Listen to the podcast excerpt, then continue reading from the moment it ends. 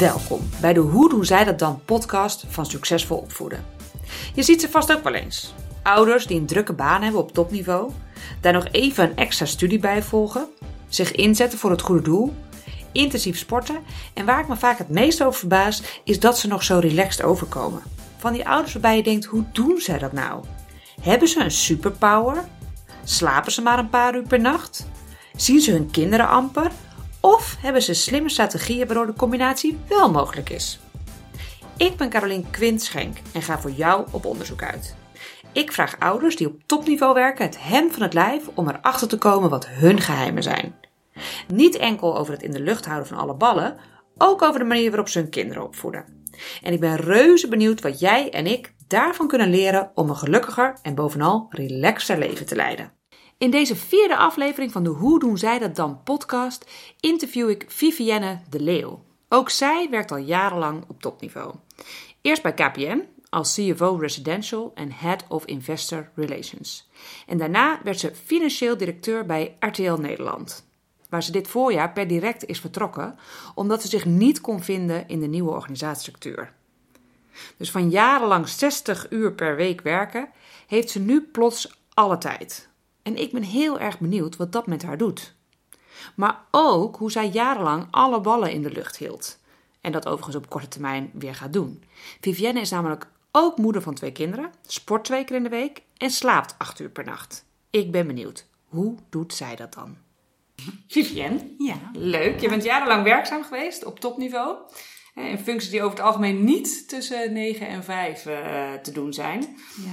Eh, jouw kinderen zijn nu 11 en 7 jaar. Wat veranderde er voor jou toen je kinderen kreeg in die functies? Ja, ehm, er komt een, een element bij, is het balanceren tussen eh, alle dingen die je leuk vindt om te doen en gewend was om te doen. Eh, want je wil, eh, nou, nou, in de eerste plaats natuurlijk bij je nieuwe kindje eh, veel zijn, alles wil je meemaken. Je wil goed voor ze zorgen. Ehm, ik heb nooit moeite gehad om ze uit handen te geven in iemand anders zijn zorg. Dat hoor je ook nog wel. Dat heb ik niet gehad. Dus eh, vanaf eh, drie maanden of na de zwangerschapsverlof gingen ze wel gewoon naar de crash. Maar ehm, ik herken wel eh, van ja, gaat het goed met ze? En thuis heel veel doen, maar ook op je werk. Ik ben een beetje eh, workaholic in de zin dat ik werken ontzettend leuk vind. Ik werk niet om te leven, maar werken zelf vind ik een onderdeel van mijn leven. Ik geniet daar ook van, krijg er energie van. Mits het leuk werk is uiteraard, maar daar moet je zelf bij blijven. Ehm, en dan wil je alles doen. En daar ben ik op een gegeven moment eh, tegen aangelopen. In het eerste jaar van mijn oudste. Toen was ik net geswitcht naar KPN. En eh, ik ben geen perfectionist, maar ik heb wel, en dat hebben denk ik meer vrouwen ook eh, wel op niveau, dat ze alles heel goed willen voorbereiden. Alles willen weten, alles goed kunnen uitleggen, de discussies goed willen kunnen voeren. Eh, in mijn geval is zo, dan ga je je heel goed voorbereiden en misschien te veel.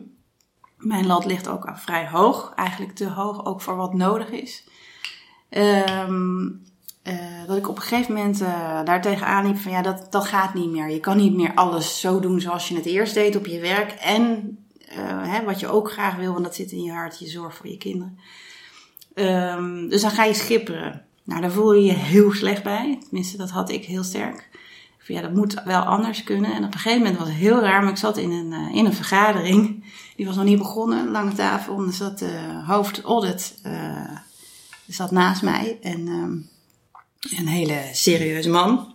En die, eh, eh, die vroeg aan mij op het verkeerde moment: eh, Goh, hoe gaat het met je? Nou, dat, ik brak niet, maar ik had wel zoiets van: Nou, ik vind het wel een beetje pittig nu. En hij zei: Hoezo dan? Ja, kindje en. eh wil toch alles hier goed blijven laten draaien? En hij zei: Ja, maar als je nou eens accepteert dat het zo is, accepteer de situatie. Dus uh, blijf er niet steeds van vinden dat je, dat je het niet goed doet. Of blijf niet vinden dat het te druk is. Of bij, haal die stempels eraf en accepteer dat het zo is. Dat scheelt al een hele wereld. En dat is waar. Het is niet makkelijk om te doen. Nee, precies. Want hoe doe je dat niet dan makkelijk vervolgens? om te doen. Maar het helpt wel. Omdat je, eh, je je irritatie en je verwachtingen kan je bijstellen. En zeggen van oké, Maar dan moet je lang, ik ben het langzaam gaan uitproberen, omdat ik het ook niet heel snel durfde.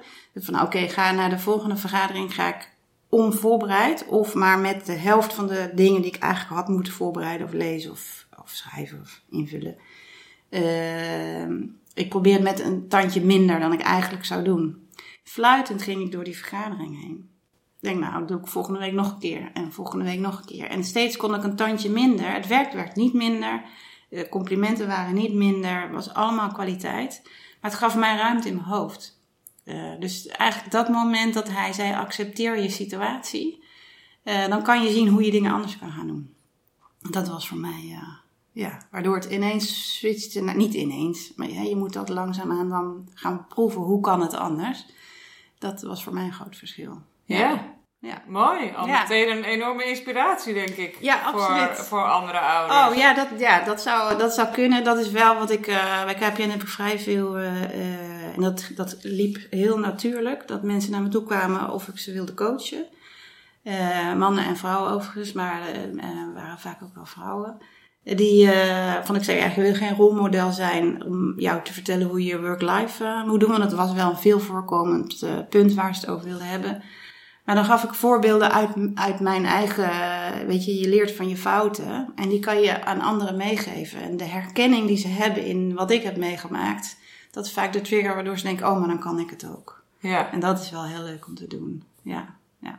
Dus dat doe ik graag. Nog Ja. Ja. leuk. Ja. Dus eigenlijk meer je eigen gedrag onder de loep nemen en kijken of dat anders kan, dat gedrag. Ja, en het begint wel bij de acceptatie van dit is de situatie en je wil alles. Ik vind ook niet dat je hem hoeft te kiezen. Eh, dat, dat gevoel kunnen mensen wel hebben. Dat je moet kiezen tussen je baan of je, je thuissituatie, je kinderen. Eh, die keuze heb ik niet gemaakt. Ik wil allebei. Maar dan moet je het op een manier doen waar- waardoor het past. Ja, in mijn geval was het dus de lat wat lager zet- zetten en uitproberen. Van ja, kan ik het ook met iets minder dan de voorbereiding die ik normaal gesproken zou doen? Wat waarschijnlijk al die jaren al veel te veel was geweest.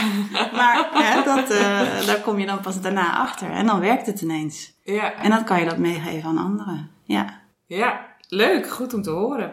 Hey, er zijn, ehm, ik weet niet of je daar wel eens van gehoord hebt, maar er is een onderzoek eh, geweest waarvan mensen spijt hebben in hun leven. Hè, dus eh, eh, als mensen op hun sterfbed liggen, dat er dan eigenlijk dezelfde punten naar voren komen, waarover, blijken naar voren te komen volgens het onderzoek, waarover mensen spijt hebben in hun leven. En een van de meest genoemde mens, punten is dat mensen terugkijkend hadden gewild dat ze niet zo hard hadden gewerkt en meer tijd met hun gezin hadden doorgebracht. En ik ben benieuwd, hoe waak jij ervoor dat je niet over 60 jaar, 70 jaar, Ja. hoe oud je wordt, Ja. niet denkt van, ja, jeetje, had ik, maar, had ik dat maar anders gedaan. Ik las dat laatst overigens ook in een blad dat iemand zei heimwee naar de tropenjaren. Hè? Van nu zijn die tropenjaren voorbij en denk ik eigenlijk terugkijkend heb ik er wel voldoende van genoten. Ja.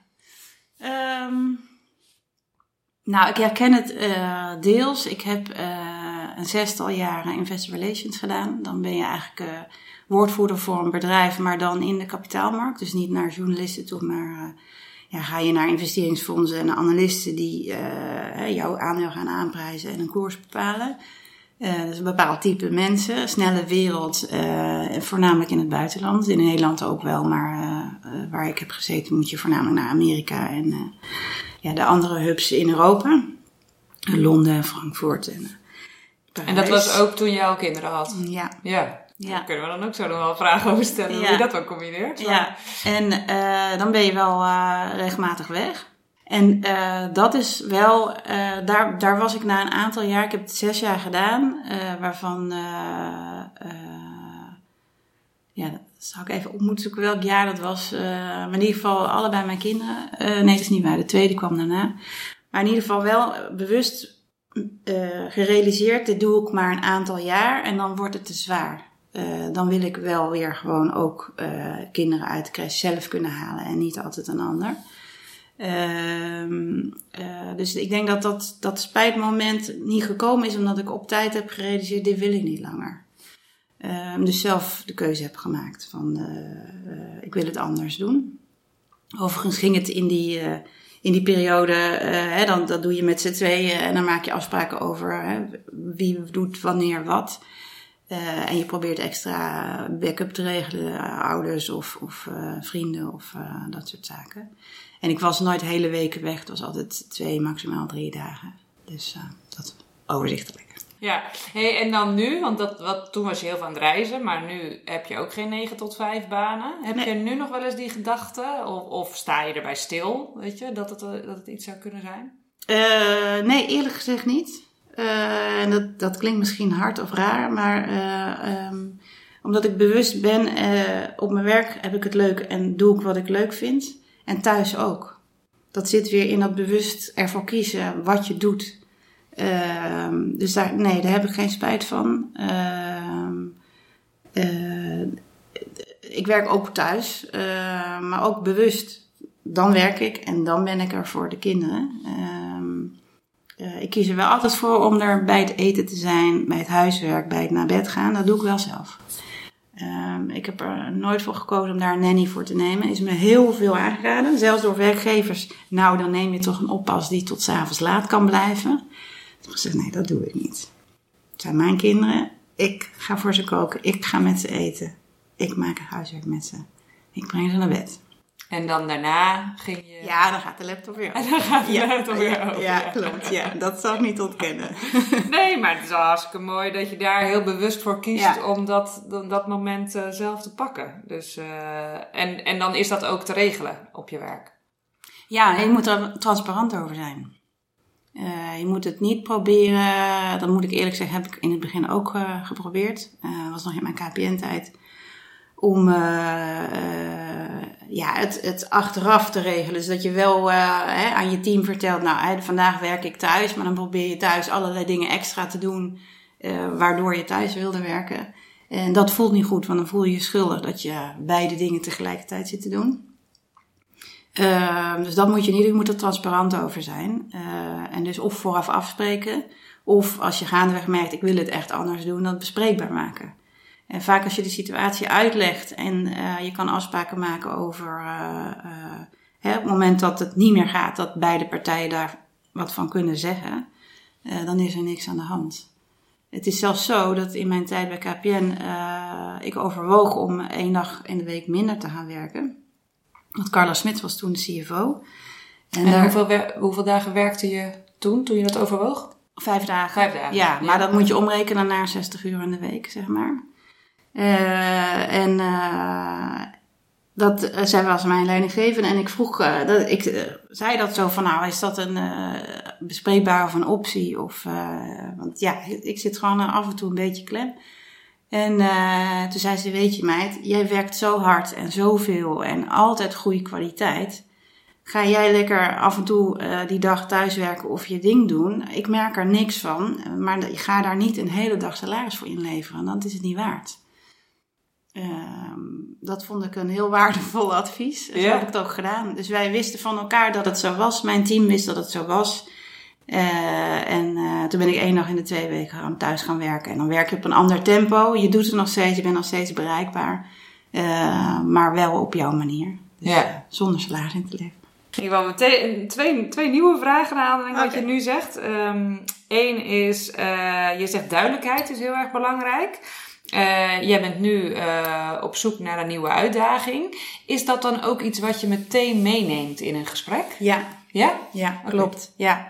Als, als meest concrete voorbeeld uh, ben ik dus gevraagd om naar Hilversum te gaan, te werken voor RTL. dat is vanaf hier in kilometers al een hele afstand, maar file technisch dramatisch. En ik ben een aantal jaar geleden gescheiden, dus co-ouderschap. Maar dat betekent dat de dagen dat ik de kinderen heb, ze ook echt fulltime heb. Dus ik moet halen en brengen, zoals dat in de oude termen nog wel eens heet. En dat doe ik ook graag en dat wil ik dus ook graag, want ik heb ze maar de helft van de tijd. Ja. Dus dan wil ik er ook echt zijn. en dat heb ik gewoon meteen, nou niet bij mijn eerste gesprek, maar bij de arbeidsvoorwaarden meteen meegegeven. Van ja, weet je, op de dagen dat ik de kinderen heb, breng ik ze naar school. Dat zijn schooltijden en daar zit ik aan vast. Uh, dus dan kom ik na de files. Daarvoor kan ik thuis dingen doen en uh, bellen. Uh, maar dan ben ik er dus pas om tien uur. Eh, en ging ik om drie uur s middags weer terug. Eh, om dat voor de files te kunnen zijn. En zoals ik om vier uur hier, werkte ik tot zes uur. En dan eh los ik de oppas af of, of ging ze ophalen op de NSO. Eh, en de andere dagen stap ik om kwart over zes in de auto. Als ik om zeven uur s ochtends daar, dan ging ik door tot acht uur s avonds. Omdat ik dan geen kinderen heb. Ja. Dus, en dat was goed. Maar ik ben wel meteen vanaf het begin meegenomen. In, want ik wil niet dat er verwachtingen zijn van ja, ze is er nooit. Of ze komt altijd pas om tien uur. eh, omdat ze de kinderen moet doen. Dat, dat wilde ik niet dat dat tussen ons in zou staan. En Nee. als je daar transparant en eerlijk over bent. eh, eh, en zorgt dat je werk goed is. eh, dat mensen je wel altijd kunnen bereiken. Dat is wel belangrijk. Ehm, dan, dan is dat prima. Dat Ja. werkt goed. Hey, en dan is dat hoe je het richting anderen communiceert. Heb je daar eh, voor jezelf, is dat dan ook makkelijk? Of, eh, Ja, juist omdat je weet, de ander weet het ook. Eh, dus dit is de afspraak. Iedereen weet het, dus ik ook. Dus ik voelde me ook niet schuldig als ik om drie uur in de auto stapte om terug te rijden naar Voorburg. Omdat iedereen weet dat en ik weet dat ook.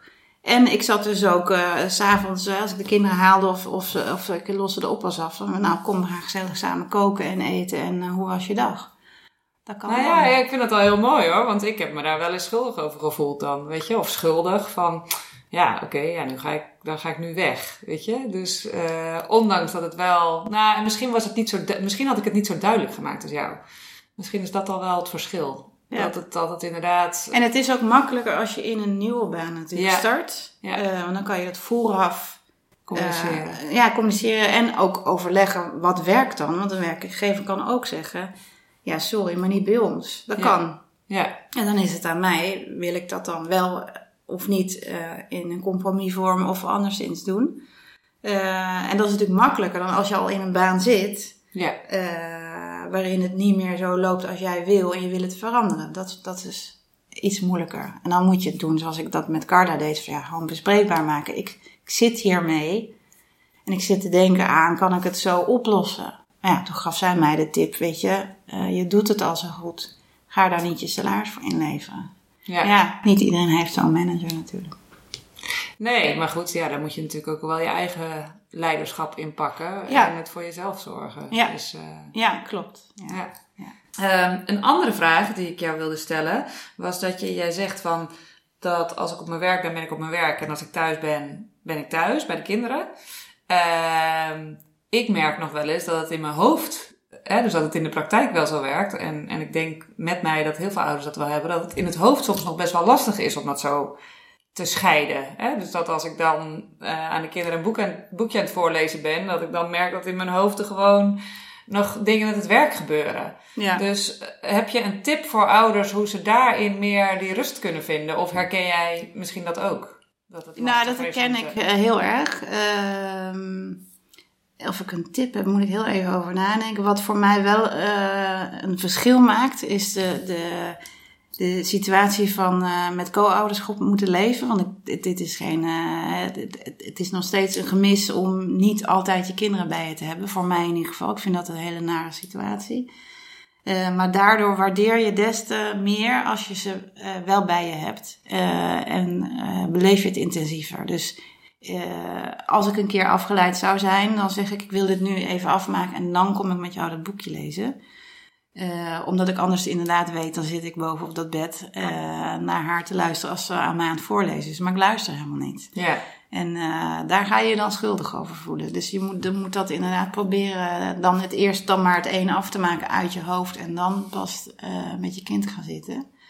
Ehm, maar heb ik daar de gouden tip voor? Nee. Nee, dat zou ik niet. eh, Ehm, ik eh, heb natuurlijk eventjes het een en ander over jou gegoogeld eh, voordat ik eh, hier naartoe kwam. Ja. En ik las in een bericht dat ehm, verandermanagement en klantgericht denken centraal staan in jouw manier van werken. Ja.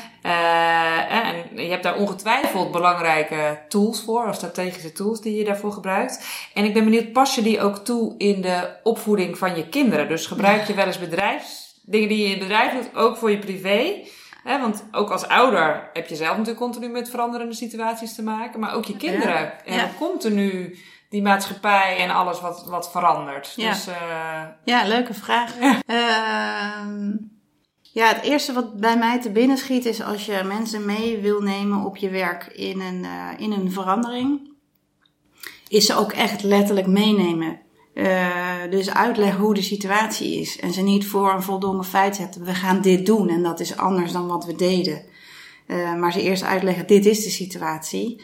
En dat is de reden voor de verandering. Dus ze meenemen in de why, waarom je echt iets anders wil gaan doen. En uh, indien mogelijk ze ook mee laten werken aan de oplossing. Nou, dat laatste doe ik ook bij mijn kinderen. Ehm, dat als er wat verandert is uh, meenemen in uh, dat ze snappen wat de situatie is en waarom de dingen anders moeten gaan. En kijk, met die van zeven doe je dat anders dan met die van elf. Maar met die van elf kan ik daadwerkelijk een gesprek voeren van hoe zou jij het anders doen? Of wat zou jij daar graag in willen? In plaats van dat ik zeg, we gaan het gewoon zo doen. Met het risico dat hij gaat zeggen, nou, dacht het niet. ja, precies. Want hoe ga je daar dan mee om als hij dat zegt? Ja, precies, ja. ja. Dus, uh, uh, dus dat probeer ik op een andere manier. We hadden heel recent een, uh, een voorbeeld, niet zozeer verandering, maar wel van, die geïnitieerde mijn zoon zelf. Die zei, ja, voetballen is, een van de twee trainingen is een trainer gekomen waar hij heel slecht mee kan vinden. En dus niet meer naar voetbal wilde. Maar eigenlijk wat zijn gedrag naar mij was van hij wilde niet meer naar voetbal. Dus ik moest hem iedere week overhalen om naar de training te gaan en naar de wedstrijden. Zonder, en iedere keer vroeg waarom wil je niet? Uh, ja, het is stom. Ik heb geen zin. Uh, we verliezen toch. Dat soort uitspraken kreeg ik steeds.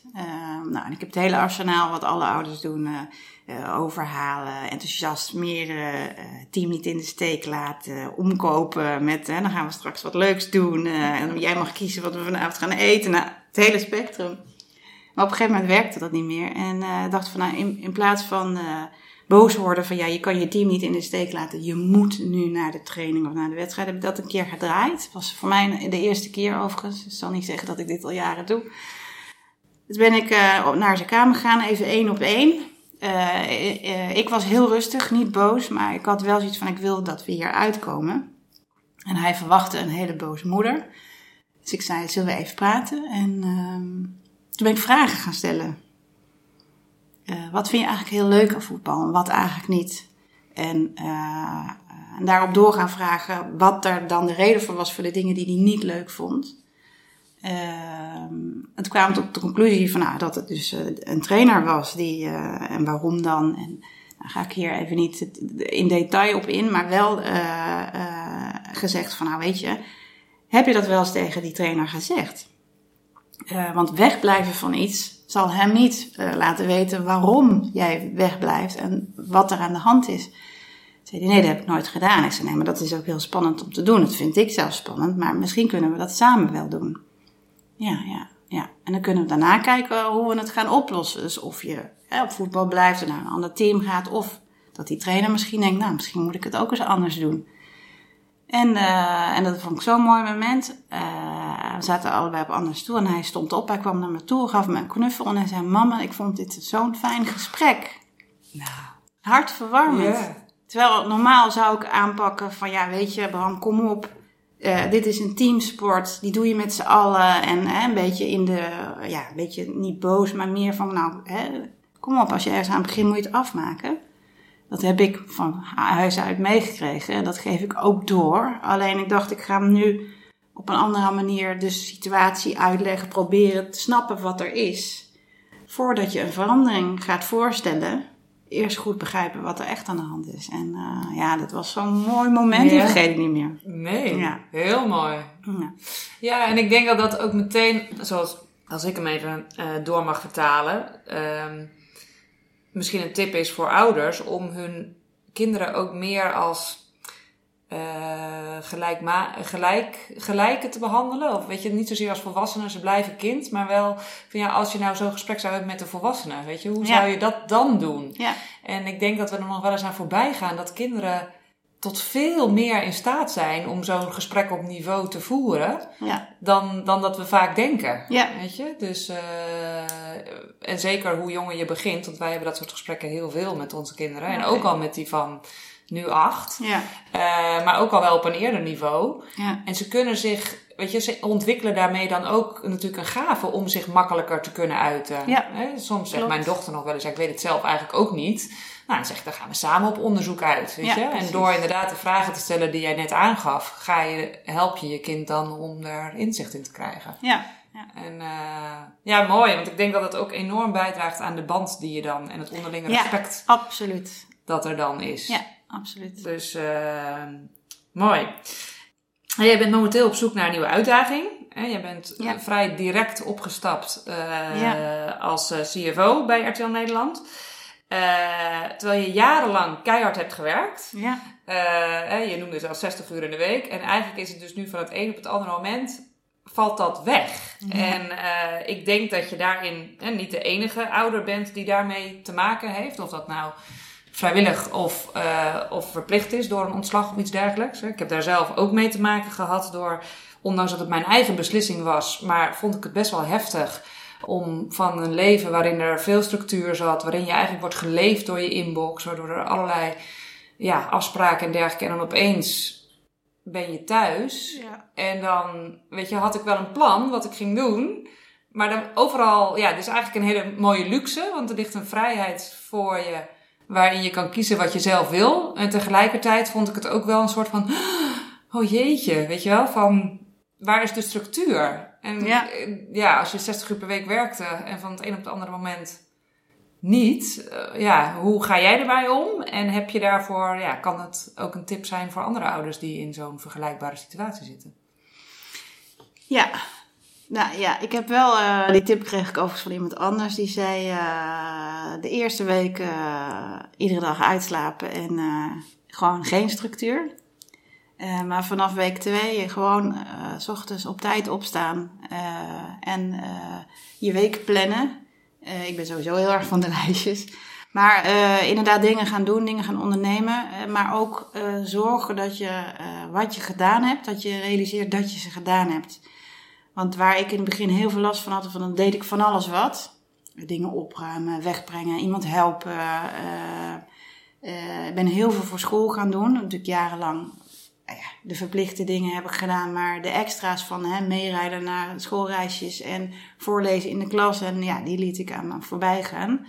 Eh, die ben ik allemaal gaan doen. Maar aan, aan het einde van de dag dacht ik van ja, wat heb ik nou eigenlijk gedaan vandaag? Was ik wel moe, superveel gedaan. Maar ik vond dat ik niks had gedaan die dag omdat ik, ik miste dat element van de structuur, van de, hè, het hebben van impact, omgaan met mensen, volwassen mensen dan. Eh, dat miste ik heel erg. Maar eh, eh, hoe, ja, ik ben dat gaan, dat, eh, dat gemis dat blijft. En wat ik zei, ik ben een workaholic, dus ik wil dat terug. Ik vind het leuk. Ik mis nu een energiegever. Ehm, dus ik blijf doorzoeken naar, om dat weer terug te krijgen. Maar daarnaast zorg ik ervoor dat wat ik doe, dat ik dat dan aan het eind van de dag ook van ja, maar ik heb dit ook echt gedaan. Eh, en een andere tip is, als je echt even in een gat valt, ga opruimen. Want het is echt serieus zo, op het moment dat jij eh, eh, iets aan het opruimen bent, gaat er ook in je hoofd iets eh, opgeruimd worden. Dat werkt eh feilloos, weet ik zeker. In ieder geval bij mij, ik heb bij heel veel anderen gezien. Dus ga dat ook echt doen, maar waardeer jezelf daar ook om. Ehm, eh, en dat helpt. En ik ben uiteindelijk ook een. dus voordat ik naar RTL ging, toen had ik zoiets van, ja, ik wil echt wel met anderen nog iets doen. Toen ben ik vrijwilligerswerk gaan doen bij het Residentieorkest in Den Haag. Had een CFO, nieuwe. Eh, en die had iemand opgevolgd die heel lang ziek was geweest. En er was heel veel werk blijven liggen. Ehm, ja, die zag door de bomen het bos niet meer. En ehm, ik kende iemand daar in het bestuur en die zei, weet je, eh, jij wil graag iets doen. En hier is iemand die is ondergesneeuwd, kan je haar niet komen helpen. Dus dat heb ik nog eh, half jaar of drie kwart jaar gedaan. Dat is superleuk. Dan heb je weer impact, dan ben je weer onder de mensen. Ze waren daar super blij met wat ik deed. Terwijl ik zoiets van, ja, hè, ik heb weer iets leuks te doen, andere omgeving. Eh, dus dat was heel leuk. Ja. Ja. Mooi. Hey, ehm, waar veel ouders mee stoeien, is eh, het gebruik van digitale middelen van hun eh, kinderen. En tv speelt steeds minder een, eh, een, een rol daarin, steeds meer andere middelen. En jij bent CFO geweest bij RTL Nederland. Wat de meeste mensen kennen van tv, maar wat ook een van de grootste spelers is op de digitale markt.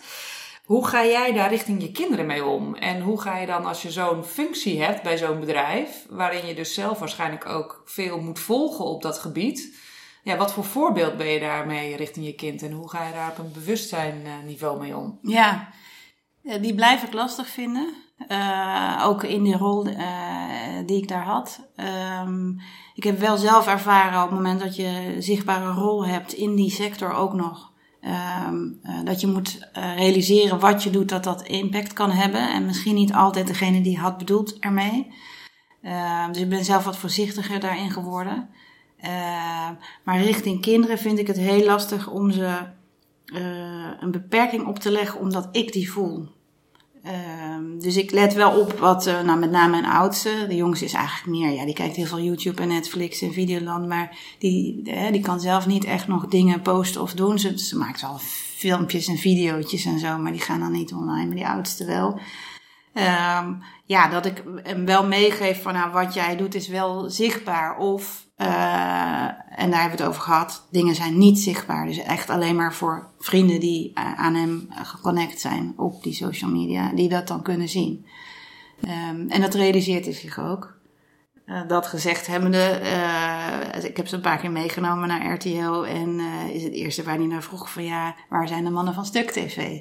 Ja, dus dan wil hij meteen de ingang om daar zijn dingen, zijn kennismaking en zijn grapjes te doen. Ja, dat, dat moet je dan een beetje inperken. Ja. En thuis vind ik het heel lastig qua überhaupt de digitale dingen uh, het is bijna niet in te perken. En ik merk op het moment dat ik de regels zet, dat doen heel veel ouders van nou, vanaf een bepaald tijdstip mag je pas op de computer of op de iPad of welke medium je ook gebruikt. Um, maar ik merk, dan gaan ze er helemaal naar leven. En als je er iets losser mee omgaat en zegt van ja, maar zullen we nu gewoon een spelletje gaan doen of we gaan buiten spelen, dan kan dat makkelijker dan dat ze zeggen ja nee, want over tien minuten mag ik eindelijk. Dus uh, nou ja, ga helemaal niks leuks met jou doen. ja. Dus dat, daar ben ik iets uh, losser in geworden. Ik, ik had ook de regels, hè, niet voor vijf uur uh, gaat er geen enkel scherm aan. En daar ben ik iets makkelijker in geworden. Ja. Ja, wij hebben ook meer gewoon, zij hebben een bepaalde schermtijd per dag. En wanneer ze die inzetten, dat ja, okay, ze ja, zelf bepalen. Ja, en uh, dat maakt het inderdaad wel wat relaxer. Want we hebben ook even geëxperimenteerd met na vijf uur of na half zes. Ja, ja jezus man, die focus op die klok wordt enorm. ja, enorm. Ja. Maar ik kan me voorstellen dat jij zelf ook in die periode van RTL, hè, dat je daar uh, werkte, veel meer volgde op dat vlak. Ja, dat wel. Maar wel uh, beroepshalve, want ik ben zelf niet zo'n tv-kijker, eerlijk gezegd. Ik ga wel bij een televisiebedrijf werken. Maar heb ik overigens meteen bij mijn eerste sollicitatiegesprek uh, meteen transparantie gezegd. Van nou, ik moet eerlijk bekennen, ik kijk nooit naar RTL-programma's. en hoe reageerde ze? Ik ook niet, zei hij. Oh nee? Ja. dat is een leuke opening. Hoe vond je dat dan richting je kinderen? Kon je dat dan uitleggen? Of wat je... Hè, want ja. eigenlijk hè, wil je dat zij er niet continu op zitten, maar heb je zelfs iets ja, voor mijn werk moet ik me er ook mee bezighouden. Ja, ja nou ze hadden wel zoiets van, uh, waar kijk jij nou naar? Uh, omdat ik dat daarvoor inderdaad niet deed. Uh, maar dan zagen ze dat logootje in de hoek en dan is oh ja, dat is mama's werk. en ik heb ze bewust dus een keer meegenomen ook, omdat ze dan snappen waarom ik dat doe. En dus dan zien ze de verbinding. Ehm, en dus ja, zo probeer ik dat te doen. Overigens mogen ze mij nog steeds gewoon Netflix kijken in plaats van televisie. Want dat is een trend die gaat sowieso uh, heel hard doorzetten. Dus, die houdt niemand tegen. Nee, nee, dat klopt. Dus um, wat vind jij cruciaal in de opvoeding van je kinderen? Dus eigenlijk wat wil je ze meegeven? Sta je daar bij stil? Wat je belangrijk vindt hoe zij later terugkijken op hun opvoeding? Uh, ja, er zijn twee waarden die ik zelf heel belangrijk vind: respect en vertrouwen.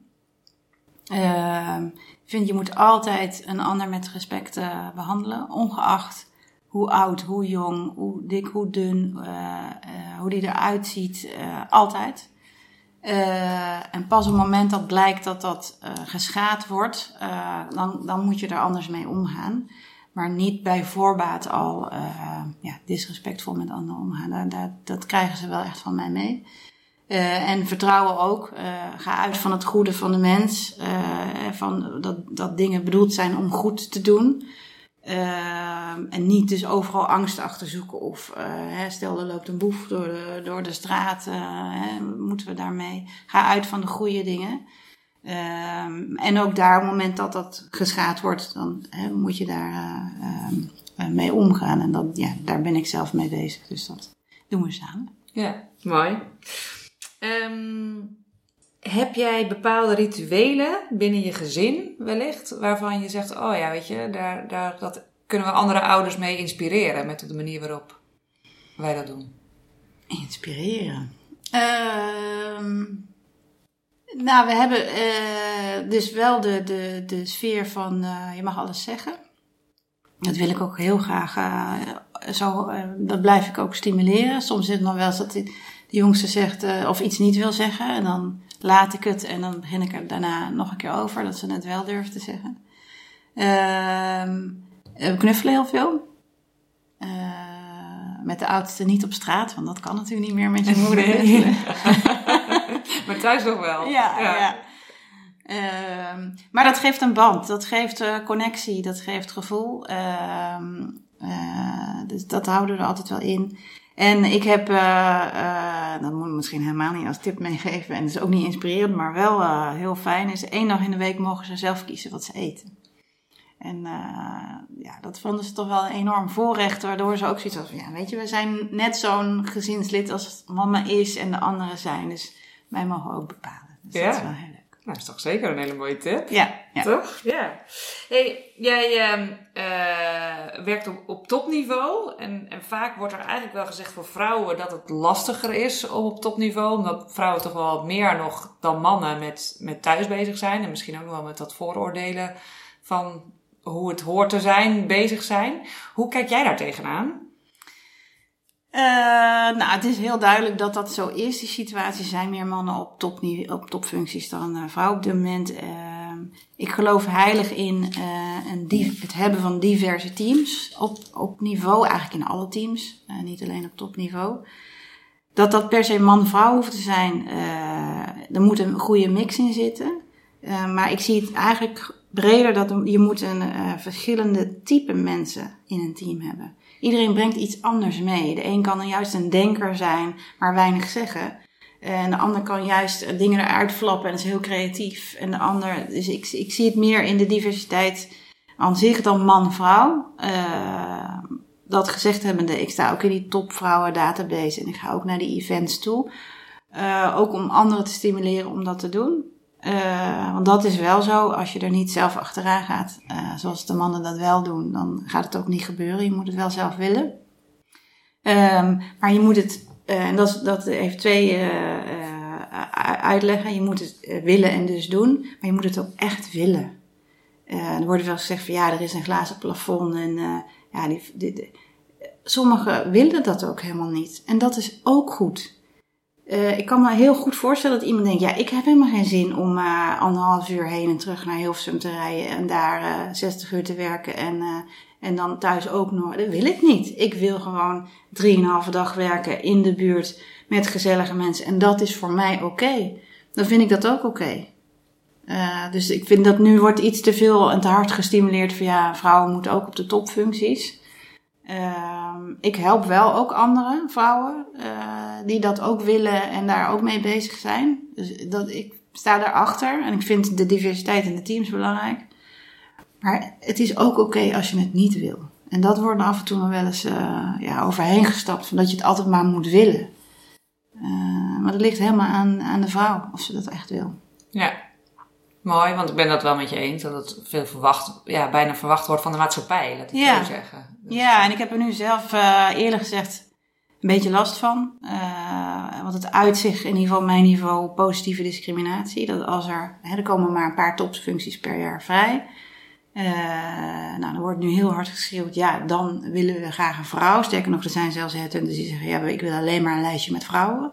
Dat ik denk, ja, maar waar is de best man voor de job gebleven? Je moet toch kijken naar wat iemand kan. Ja, Eh, en als dat een vrouw is, is het mooi meegenomen. Maar je moet iemand nemen die dat het beste kan. En daarna kijk je, is dat een man of een vrouw? is eigenlijk helemaal niet boeiend. nee. Ehm, dus eh, en daar heb ik af en toe last van. eh, dat ik dus op lijstjes kom of gebeld word voor zaken omdat ik een vrouw ben. Ja. En daar kan ik niet tegen. Nee. Dat, eh, dat, dat druist in tegen mijn principes. Je moet mij vragen om op gesprek te komen voor wat ik kan en wat ik meebreng. Wat ik kan toevoegen aan het team als persoon. En ik ben toevallig ook een vrouw. ja. Ja. Hey, vind je het ook belangrijk eh, om je kinderen op dat, eh, daar, daarin dingen mee te geven? Over hoe zij over werk denken en over man-vrouw verdeling. En... Nee, daar zijn we eigenlijk nog niet mee bezig. Nee. Nee, ik vraag wel af en toe aan ze wat ze willen worden en, en of ze de verschillen snappen. Dat eh, iemand die, eh, als ze hier één keer in de week de vuilniswagens komen of de, kliko's komen legen, dat dat een ander type eh, rol is en functie is dan, eh, ja, ik zeg thuis, ik tel de centjes. Ja, dat doe ik. Dat is iets anders. Maar het een is niet beter dan het ander. Nee. Ehm, ehm, maar ik probeer ook wel mee te geven van ja, ze hebben af en toe wilde plannen. Mijn oudste wil Freek Vonk worden.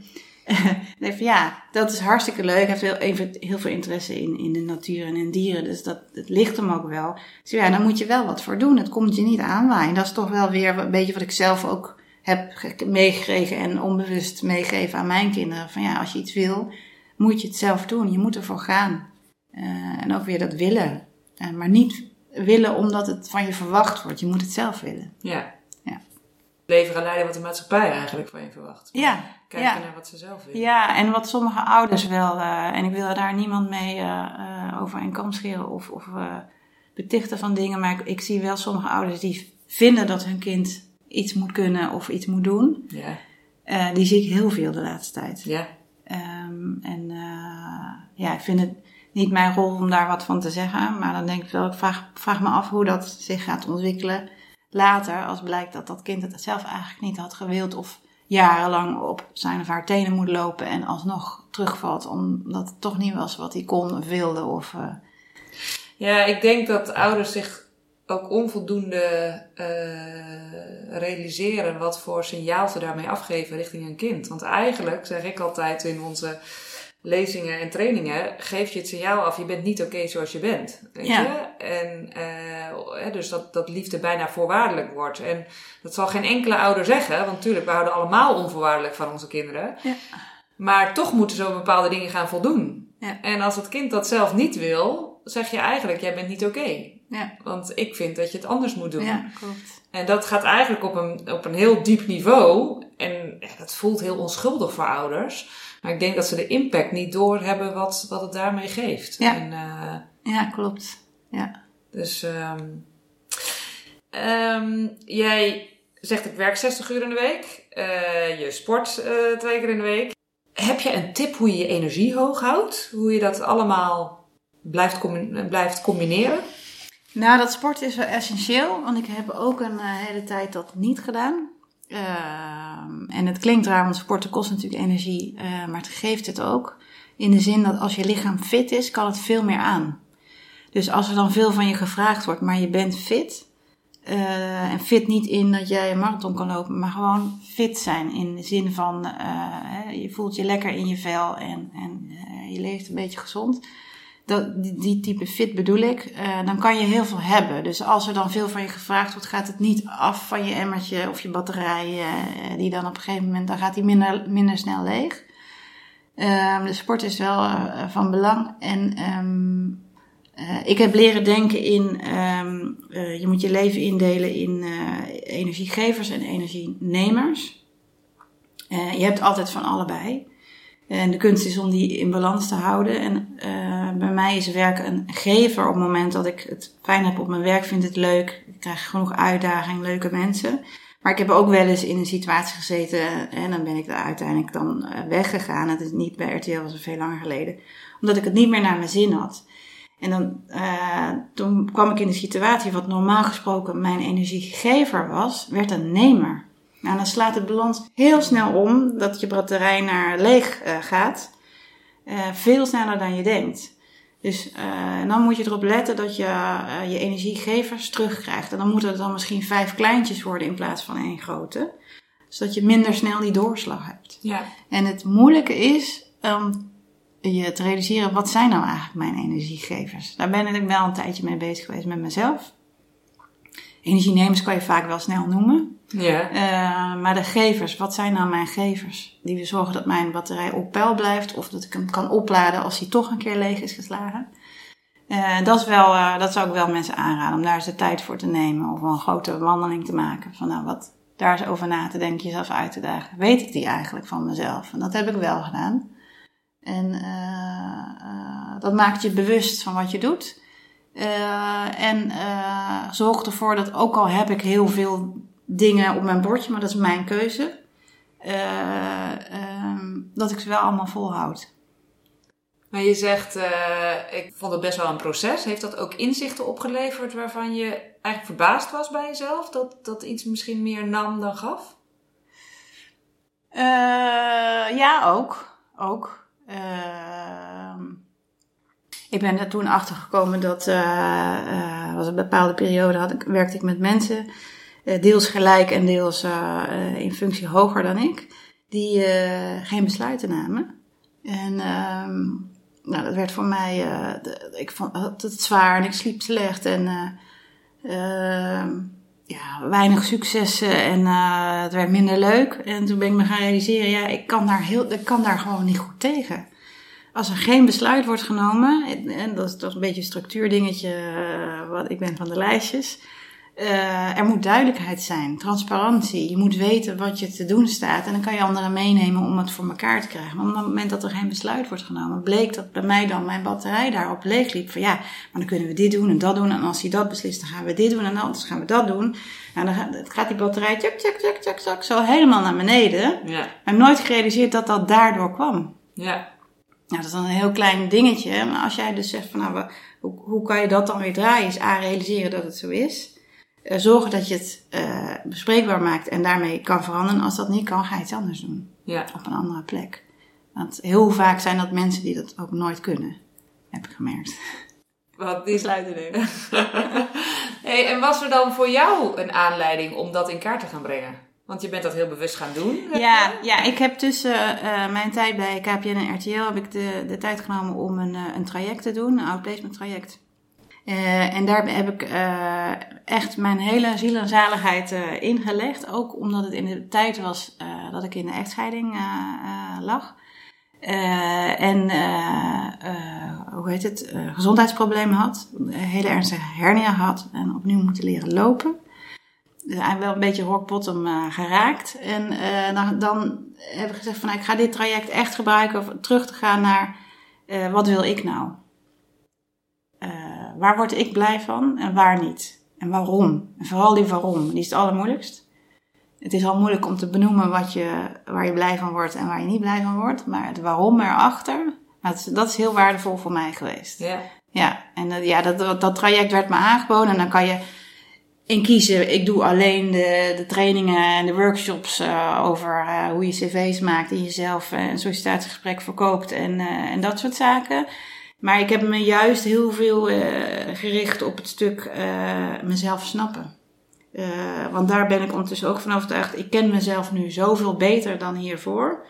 En dat straal je dan ook uit.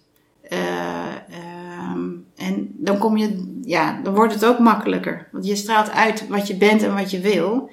En dan kan de ander op reageren. Terwijl als jij heel krampachtig probeert, ja, ik wil dat, dus ik zeg maar dit maar jouw hele uitstraling in jouw lijf zegt wat anders, ja, dan gaat het toch niet werken. Ja. Maar die inzichten uit die tijd, die hebben wel heel veel uh, gebracht. Ja. Mooi, ja, want ja. Ik, ik vind dat persoonlijke ontwikkeling, want daar gaat dit over, ja, klopt. echt een onbelicht uh, onderdeel is in, in, onze maatschappij. En ik zeg ook, het, het, het mooiste vak, ik-kunde, uh, ja. noem ik dat dan, wordt niet op school gegeven. Nee. En terwijl het zo mooi zou zijn... Um, want eigenlijk mensen die daarmee bezig zijn, die, die zijn er altijd al enthousiast over. Maar wat, weet je, dat is een van mijn missies, om dat dus ook bij kinderen, weet je, van hoe mooi is dat als je dat vanaf kinds af aan ja. die inzichten al hebt, weet ja. je. Dus, uh... Ja, ik ben daar heel erg voorstander van. Ik moet wel ook eerlijk bekennen, uh, totdat het, uh, dat ik echt even een, zwarte bladzijde in mijn leven had. Ik had, ik had het echt zwaar op dat moment. Dat was voor mij de trigger geweest om er vol in te gaan voor mezelf. Maar in de jaren daarvoor deed ik dat, ja, wel op regelmatige basis, maar ja, met trainingen en met workshops uh, ernaast. Ja. Uh, en ik nam nu echt de tijd om er, om er alles uit te halen wat erin zat. Om het echt te snappen. Me, mezelf echt te snappen. Ja. En dat had ik veel eerder moeten doen. Ja. Dus heel eerlijk bekennende was er dus iets voor nodig voor mij om dat inzicht te hebben van maar dat wil ik nu echt als eerste doen. En daarna gaan we wel weer andere leuke dingen doen. Ja. Dus ik moet ook wel zeggen, ja, als ik dat eerder had gedaan, hadden we misschien heel veel andere mooie dingen kunnen doen. Maar, ja. ja. Nou ja, ik vind het ook, wij, wij geven wel uh, uh, lessen soms op school, als scholen daarvoor openstaan. En uh, een aantal keren ook op een HBO-opleiding lessen gegeven aan ouders, wat het gaat over, ook over communicatiestijlen. Wie ben jij? Hoe, hoe reageer je op de ander? En, en het verbaast mij elke keer hoe enorm daarop gereageerd wordt. Weet je? Dus ja. dat eigenlijk studenten daar ook zo voor openstaan. Ja. En dat er, uh, dus uiteindelijk, ik was teruggevraagd op een hogeschool, omdat ze zeiden van, goh, je hebt alleen maar een gastcollege gegeven, maar in alle rapporten waar ze zo'n zelfreflectie moeten doen over uh, wat ze het afgelopen blok hebben gedaan, kwa, kwam dat weer terug. Hm. Terwijl dat dus geen verplicht onderdeel was, maar dat het ze dus kennelijk Mooi. geraakt had Ja. om. Uh, en dat uh, is voor mij ook weer de drijfveer om mee door te blijven gaan. Want ik denk, ja, weet je, het, we gaan er echt aan voorbij aan hoe belangrijk het is voor, uh, voor de mensen allemaal, maar dus ook al als kinderen. Dus, Ja. uh, ja, Ja. mooi hoor. um, we gaan een beetje naar de afronding van het interview. En dat doe ik door een aantal een soort van vriendenboekjes vragen aan jou te stellen. Oh, Dus die mag je kort en bondig beantwoorden. De eerste vraag is: Het leukste dat ik samen met mijn kind heb gedaan is. Jeetje, zoveel. Vind ik een hele moeilijke vraag. Echt heel veel. Ja, ik vind alles leuk wat we doen. Ja. Ja. Uh, samen koken. Mooi. Ja, we hebben laatst, uh, het zei mijn oudste, mag ik een keer koken? En ik hou zelf heel erg van koken. Uh, dus nee, oké, okay, keuken, keuken is yours. En je roep maar als ik je ergens mee kan helpen. Nou, de hele keuken ontploft. Had hij heel lief had hij, een hartje gemaakt van wraps. En daar dan dingetjes op. En dan had hij zo geserveerd. Nou, ik geweldig. Oh, ja, leuk. dat is echt leuk. Ja. Oh, heel leuk. Waar was je toen je ontdekte dat je zwanger was? Jeetje. uh, thuis. Ja, bij de eerste was ik thuis. En uh, toen belde ik... Uh, natuurlijk eerst uh, mijn man. Maar daarna belde ik mijn beste vriendin. En die zei... Ja, de had ik natuurlijk al lang gezien. Oh, echt waar? ja, dat is grappig. Leuk. Um, mijn kind heeft me geleerd dat. Um, dat het goed is om te falen. En het voorbeeld wat in me opkomt is, uh, uh, een hele tijd geleden, groep 7 was het nog, eind groep 7, hebben ze uh, fietsexamen gedaan. En toen is één kindje uit de klas, heeft het niet gehaald. En die appte dat vooraf in de groepsapp van de klas. Van nou jongens, ik ben als enige gebeld dat ik het niet gehaald heb, maar willen jullie daar morgen als de diploma's worden uitgereikt, alsjeblieft, rare opmerkingen over maken? Dat, ik ben er verdrietig onder. Nou, al geweldig dat ze dat durft yeah. te delen vooraf. En uh, mijn zoon antwoordde onmiddellijk: De eerste die hier wat van zegt, krijgt met mij te maken. Oh. En uh, daarna kwamen heel veel van dat soort reacties. Maar de, wat, het, wat ik er leuk aan vond, is dat hij. Weet je, het is oké okay om te falen. En het is nog mooier als je dat kan delen met de anderen. En dat vond ik wel heel prachtig. Ja. ja. Heel mooi voorbeeld. Um, wat mijn kind niet van mij weet is. Ja, ik ben nogal een open boek. Dus ik denk niet dat er heel veel dingen zijn die ze niet van mij weet. Nee. Ik zou best eens een dagje willen ruilen met. Ik zou het leuk vinden om een keer. Uh, ik ben enthousiast over uh, uh, consulting kits. Ken je dat? Nee. Die. Die hebben een, een, bedrijf opgezet waarbij ze voor bedrijven en overheden de vraag die daar ligt, bijvoorbeeld een Transavia, die moeten ze nou vijf kleine vliegtuigen kopen of één grote? Ja. Eh, en die leggen ze dan voor aan een klas. En dan gaat de klas het probleem oplossen. Dat doen ze in Nederland en in Afrika. En daar komen de mooiste oplossingen uit. En eh, ik zou wel eens een keer zo'n eh, zo'n dag willen doen, en dan liefst in Afrika. Eh, om mee te maken van ja, hoe kunnen die creatieve breintjes die andere verbanden leggen met wat ze voorgeschoteld krijgen dan wij, ongehinderd door de kennis en de ellende die wij allemaal al weten en kennen, en daardoor niet meer tot een, iets leuks kunnen komen. En dat kunnen zij wel. Dat zou ik wel heel gaaf vinden om een keer te doen. Mooi. Ik ben een goede ouder, omdat. Ehm ah, weer zo'n moeilijke vraag. Ehm, ik ben een goede ouder omdat ik eh, er altijd voor mijn kinderen ben. Heel veel van ze hou. Ze houden heel veel van mij. Ze voelen zich vrij om alles te zeggen. En ze zijn gelukkig. Mooi. Misschien is dat ook misschien maar mooi mee af te sluiten. Denk ik. Ja. Is er een vraag die ik eh, had moeten stellen, maar niet heb gesteld? Ja. Ja? Eh, oh, eh, is er een vraag? Ehm, nee, Nee? nee. Mooie vraag had je. Ja. Nou, Dankjewel. dankjewel voor dit Ja. interview. Heel erg inspirerend. Graag gedaan. Zoals ik het interview ook al afsloot, vond ik het super inspirerend. Wat een prachtige vrouw is Vivienne. En heel mooi om te zien hoe zij in het leven staat. Ze werkt keihard, maar gaat daarbij niet voorbij aan de dingen die voor haar belangrijk zijn en wat ze haar kinderen mee wil geven. Dus als ik nou eens even terugkijk wat de belangrijkste sleutels van haar zijn om op dit niveau werk en privé met elkaar te combineren, dan denk ik dat bewustzijn en acceptatie belangrijke sleutels zijn. Ze noemt ook wat minder perfectionistisch zijn. Ik denk dat daar heel veel ouders wel een voorbeeld aan kunnen nemen. Zorgen voor je fysieke fitheid. En vooral doen wat je zelf leuk vindt en je niet laten leiden door wat de maatschappij van je verwacht. Nou, ik vond het super inspirerend. Ik hoop dat jij er ook van genoten hebt. En wens je een prachtige dag en geniet van je werk en je gezin.